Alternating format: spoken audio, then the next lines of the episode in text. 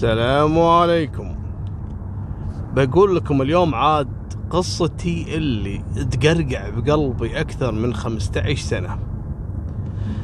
في البداية لازم تعرف شيء واحد إن أحقر فعل إنه يفعله أي شخص هو إنه يحاول إنه يقطع رزق شخص آخر. يعني موضوع الرزق هذا ربك سبحان الله يعذبك فيه بالدنيا قبل الآخرة في الآخرة راح تاخذ حقك. لكن في الدنيا ربك ما يخليك تموت إلا تشوف بعينك قطعة الرزق إذا تسببت بقطعة رزق أي أحد. بقول لكم قصة واحد أقل ما يطلق عليه إنه شخص حقير.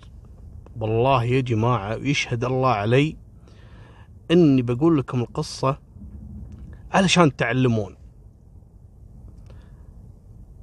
قبل 15 سنة كنت في جريدة وكنت ماخذ وضعي فيها من أحلى ما يمكن وأحب العمل فيها ومن الحكي هذا.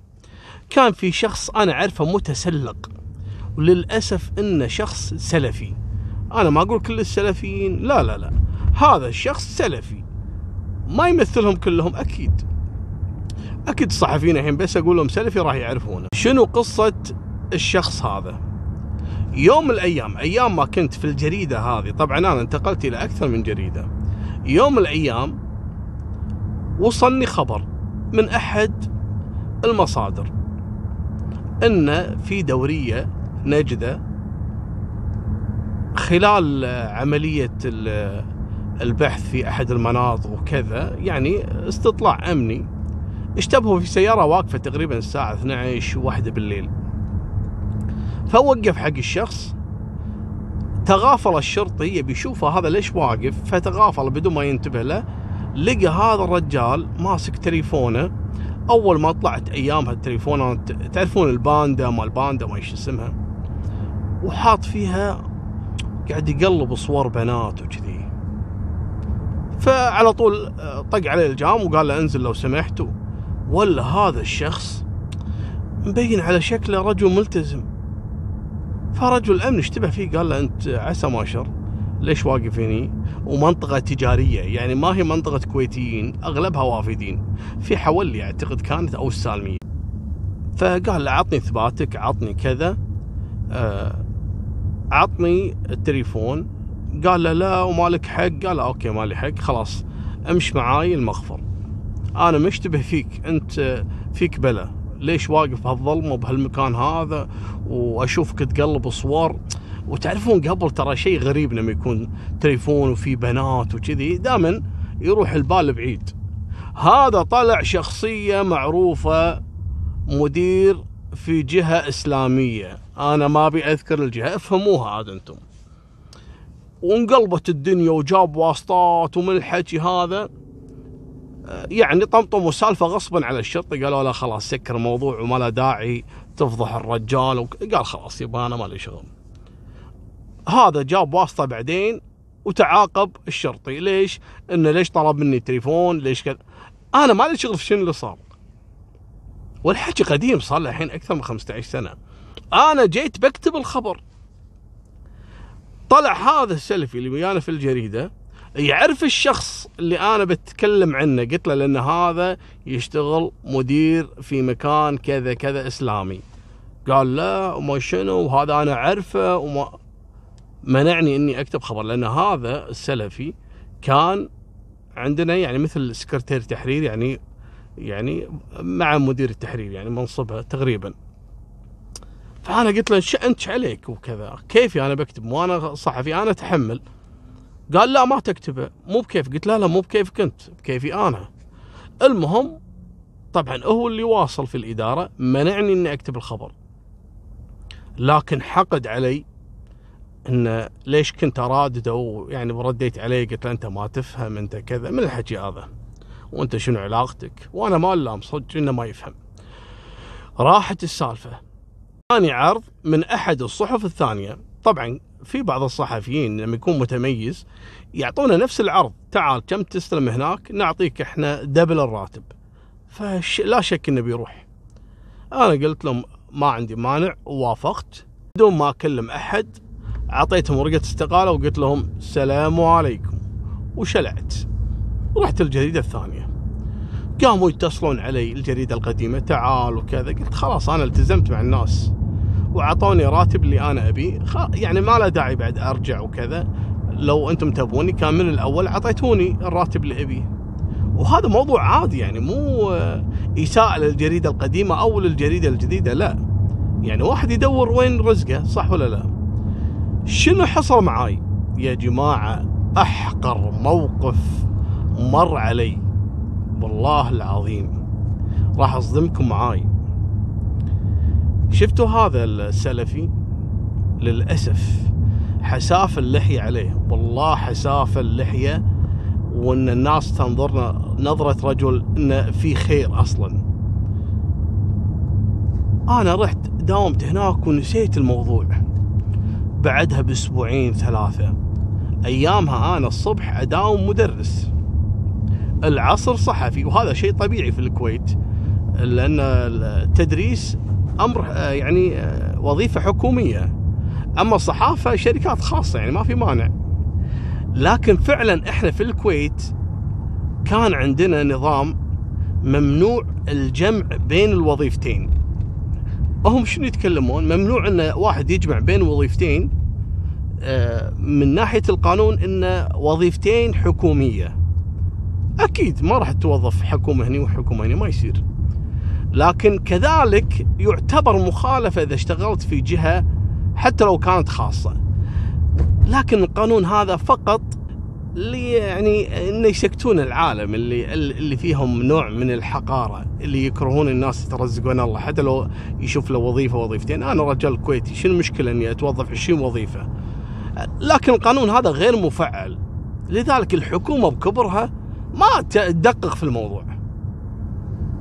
أنا كنت أداوم الصبح في المدرسة والعصر أروح دوامي في الجريدة مثل كل يوم. يوم من الأيام داومت في المدرسة ولا الناظر يجيني يركض. فيصل تعال بيك موضوع. شنو؟ عسى ما إيش صاير؟ يا معود يبيك الوزير. قلت شنو؟ قال يبيك وزير التربية بكبره. قلت وزير يبيني بكبره؟ ليش يبي فيني؟ قال يبيك قلت زين وبعدين إحنا في المدرسة شنو؟ وين الوزير؟ كان يقول لا روح للوزاره قلت لا ماني رايح له. قال يرحم والديك روح له. داقين علي داق علي الوكيل الوزاره الفلاني وداق علي الوكيل الفلاني وداق المدير الفلاني وداق لين وصلوا حق مدير المدرسة اللي أنا اداوم فيها. قلت له ماني رايح. شبي فيني؟ شنو شكوى؟ ما قاعد أداوم؟ بعد الوزير بنفسه يبيني شبي فيني. أنا رايح عن بالي شو مسوي؟ والله يا جماعة وأنا صاج وياكم. قام يضغط علي الناظر تكفى لا تحرجني وتكفى لا تحطني موقف الوزير بكبره يبيك روح يا معود شوف شنو يبي. قلت خلاص okay أروح له direct قال لا روح حق الوكيل المساعد ينقال فلان الفلاني أنا فعلا طلعت من المدرسة. قلت له أوقع. قال لا اعتبر نفسك مداوم بس روح. قلت زين إيه تمام. إن شاء الله كل يوم يطلبني. وأروح أتمشى. قبل أروح لهم رحت تريقت. ورحت كافي. ورحت ونس نفسي ما دام طالع طالع. قلت ماني بقضي اليوم كله برا. علشان مرة ثانية ما يطلبوني. وأروح حق الوكيل المساعد أول ما دشيت الوزارة. واشوف الموكل المساعد انت فلان فلاني؟ قلت له إيه. يا معود تعال تعال. ياخذني ويوديني عند وكيل الوزارة. وكيل الوزاره انت فلان الفلاني قلت له إيه يا ابن حلال. عسى ما شر كان يقول تعال تعال. قلت وين بعد؟ كان يقول امشي نروح حق الوزير وندش على مكتب مدير الوزير ويطلع لنا مدير مكتب وزير. انت فلان فلاني؟ قلت إيه أنا فلان فلاني. أعلق لك لوحة هني ولا شنو؟ قال يا تعال تعال دش دش يبيك الوزير. والله يا جماعة أنا من كثر الأكشن اللي كنت كان بحياتي أنا ماني عارف شو مسوي. يعني قلت ها لا أنا أكيد مسوي له شيء شخصي هذا الوزير. أكيد أنا ضاره شخصيا. دخلنا عند الوزير ونقعد قدامه عند مكتبه. يا مرحبا حياك الله. وعلى فكرة هذا أطيب وأفضل ومن أرقى الوزراء اللي مروا على وزارة التربية. معروف لكن ما راح أذكره الكل يعرفه. له بصمة تاريخية في الكويت. وأنا شخصيا كنت أحبه يعني أتابعه ك يعني كصحفي حالي حال الصحفيين لكن ما التقيت فيه. وأقعد عنده مرحبا حياك الله شلونك شو الأخبار؟ قلت الله يسلمك طول بعمرك آمرني طال عمرك. كان يقول لي والله أنا ما أدري إيش أقول لك. تبون تصدمون معي صح؟ أنا عارف ناطرين شبه أقول لكم الحين. قال لي والله أنا ماني عارف شو أقول لك. الوزير نفسه يقول لي أنا ماني عارف شو أقول لك. قلت له قول طال عمرك. عاف عليك. قول. قال آه، أنت وين تشتغل؟ قلت أنا مدرس. طبعا أنا بيني وبين نفسي آه، ماني قايل إني أنا صحفي وكذا. لأن أنا أدري إن ممنوع الجمع بين الصحافة يعني بين وظيفتين. هم مجرم لكن مخالف يعني. المهم أنا ما قلت له. قلت له أنا مدرس طال عمرك عجل انت وين طالبني؟ طالبني المدرسة. كان يقول لا أنا أدري إنك مدرس. أبي وين تداوم العصر؟ قلت ها آه طال عمرك آه وين؟ إيش قصدك يعني؟ قال لي قول لي أنت وين تداوم العصر؟ قلت له طال عمرك أنا ما راح أجاوبك سامحني. إلا لما تقول لي ليش. قال لي يا ابن الحلال أنا بوقف معاك. والله يا جماعة بهالكلمة. قال لي أنا بوقف معاك. قلت له والله توقف معاي طال عمرك ولا ما توقف معاي أنا ماني قايل لك. تقول لي السالفة بقول لك كل شيء. ما تقول لي أنا رجل مدرس. شيء ثاني أنا صراحة أنكر. قال اسمعني. شوف الورق هذا ويطلع لي يا جماعة ملف. شنو قصة الملف؟ الحقير الصحفي هذا المسؤول في الجريدة السلفي مصور ملف الوظيفي اللي كان في الجريدة ومطلع صورة بطاقتي المدنية ومطلع هويتي في الجريدة ومطلع كل بياناتي ومسوي ملف ومقدمها بنفسه حق الوزير.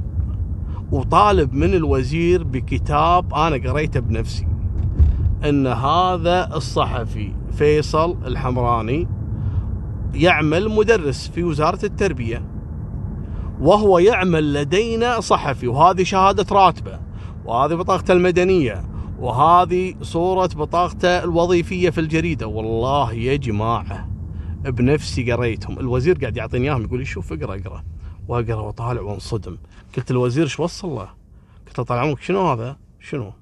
حتى أم دولة ما يسويها قال لا هذا كلمني أنا فلان لفلان اللي هو السلفي.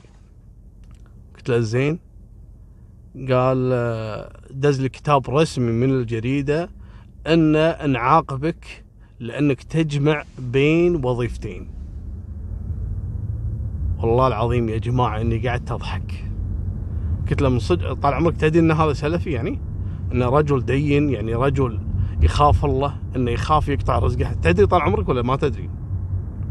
قال لي والله شوف يا ولدي أنا هذه الحركة ما يسويها إنسان يعني يخاف الله. والله والله بنفسه يا جماعة الوزير يقول لي الكلمة هذه.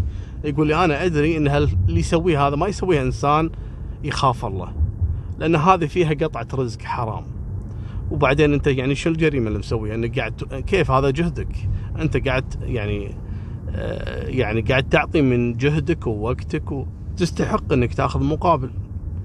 لكن أنت عارف هذا قانون مو بيدي أنا. وما دام فيها شكوى رسمية أنا ما أقدر يعني أتغاضى عنها. فعشان كذي أنا لازم أتخذ الإجراءات القانونية اللي يجبرني القانون إني أتخذها. قلت له والله ما ألومك طال عمرك صح كلامك. قلت له زين طال عمرك آه، يعني شنو تبي أقدم استقالتي من تدريس ولا شنو يعني؟ ترى أنا كويتي يعني شنو يعني أنا قاعد ببلدي ولا قاعد يعني أحد داق لي إقامة بدولة ثانية؟ شو السالفة؟ يعني إيش تبي أسوي؟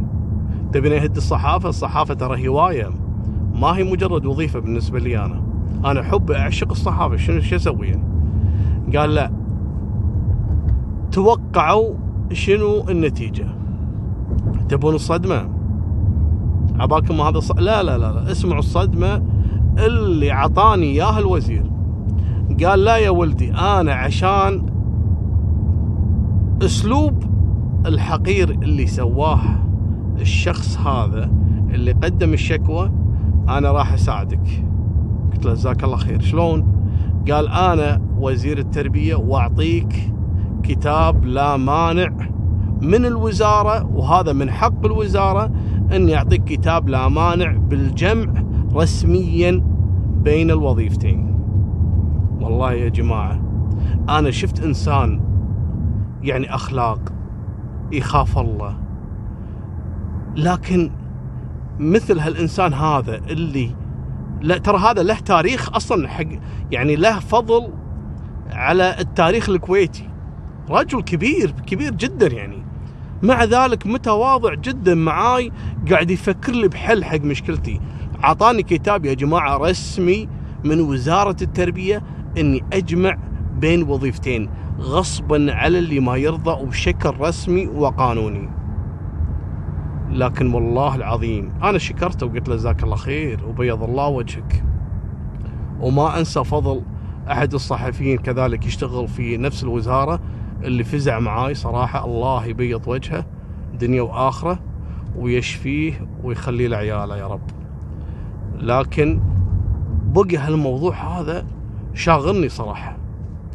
أنا الحمد لله سمعت إن هذا السلفي طلع طلعت روحه الله لا يوفقه. دنيا وآخرة. لكن قطعة الرزق إذا أنت استخدمتها معاي أنا وما ضبطت انت ممكن استخدمتها مع أكثر من شخص وضبطت استخدامك لمنصبك أو شيء لكن خليني أقول لك شغلة. حسبي الله ونعم الوكيل. صحيح اني أنا خذيته وكسرت فيك وكسرت خشمك وقعدت وبشكل رسمي ومن جريدة لجريدة ويا رب لك الحمد. أنا للحين مستمر وأنت ذلفت الله لا يردك لكن أقول لك حسبي الله ونعم الوكيل فيك وبكل شخص يستخدم نفوذه. في قطع أرزاق الناس. هذه نهاية سالفتنا. ولا تنسونا بالله كل اشتراك وفي أمان الله مع السلامة.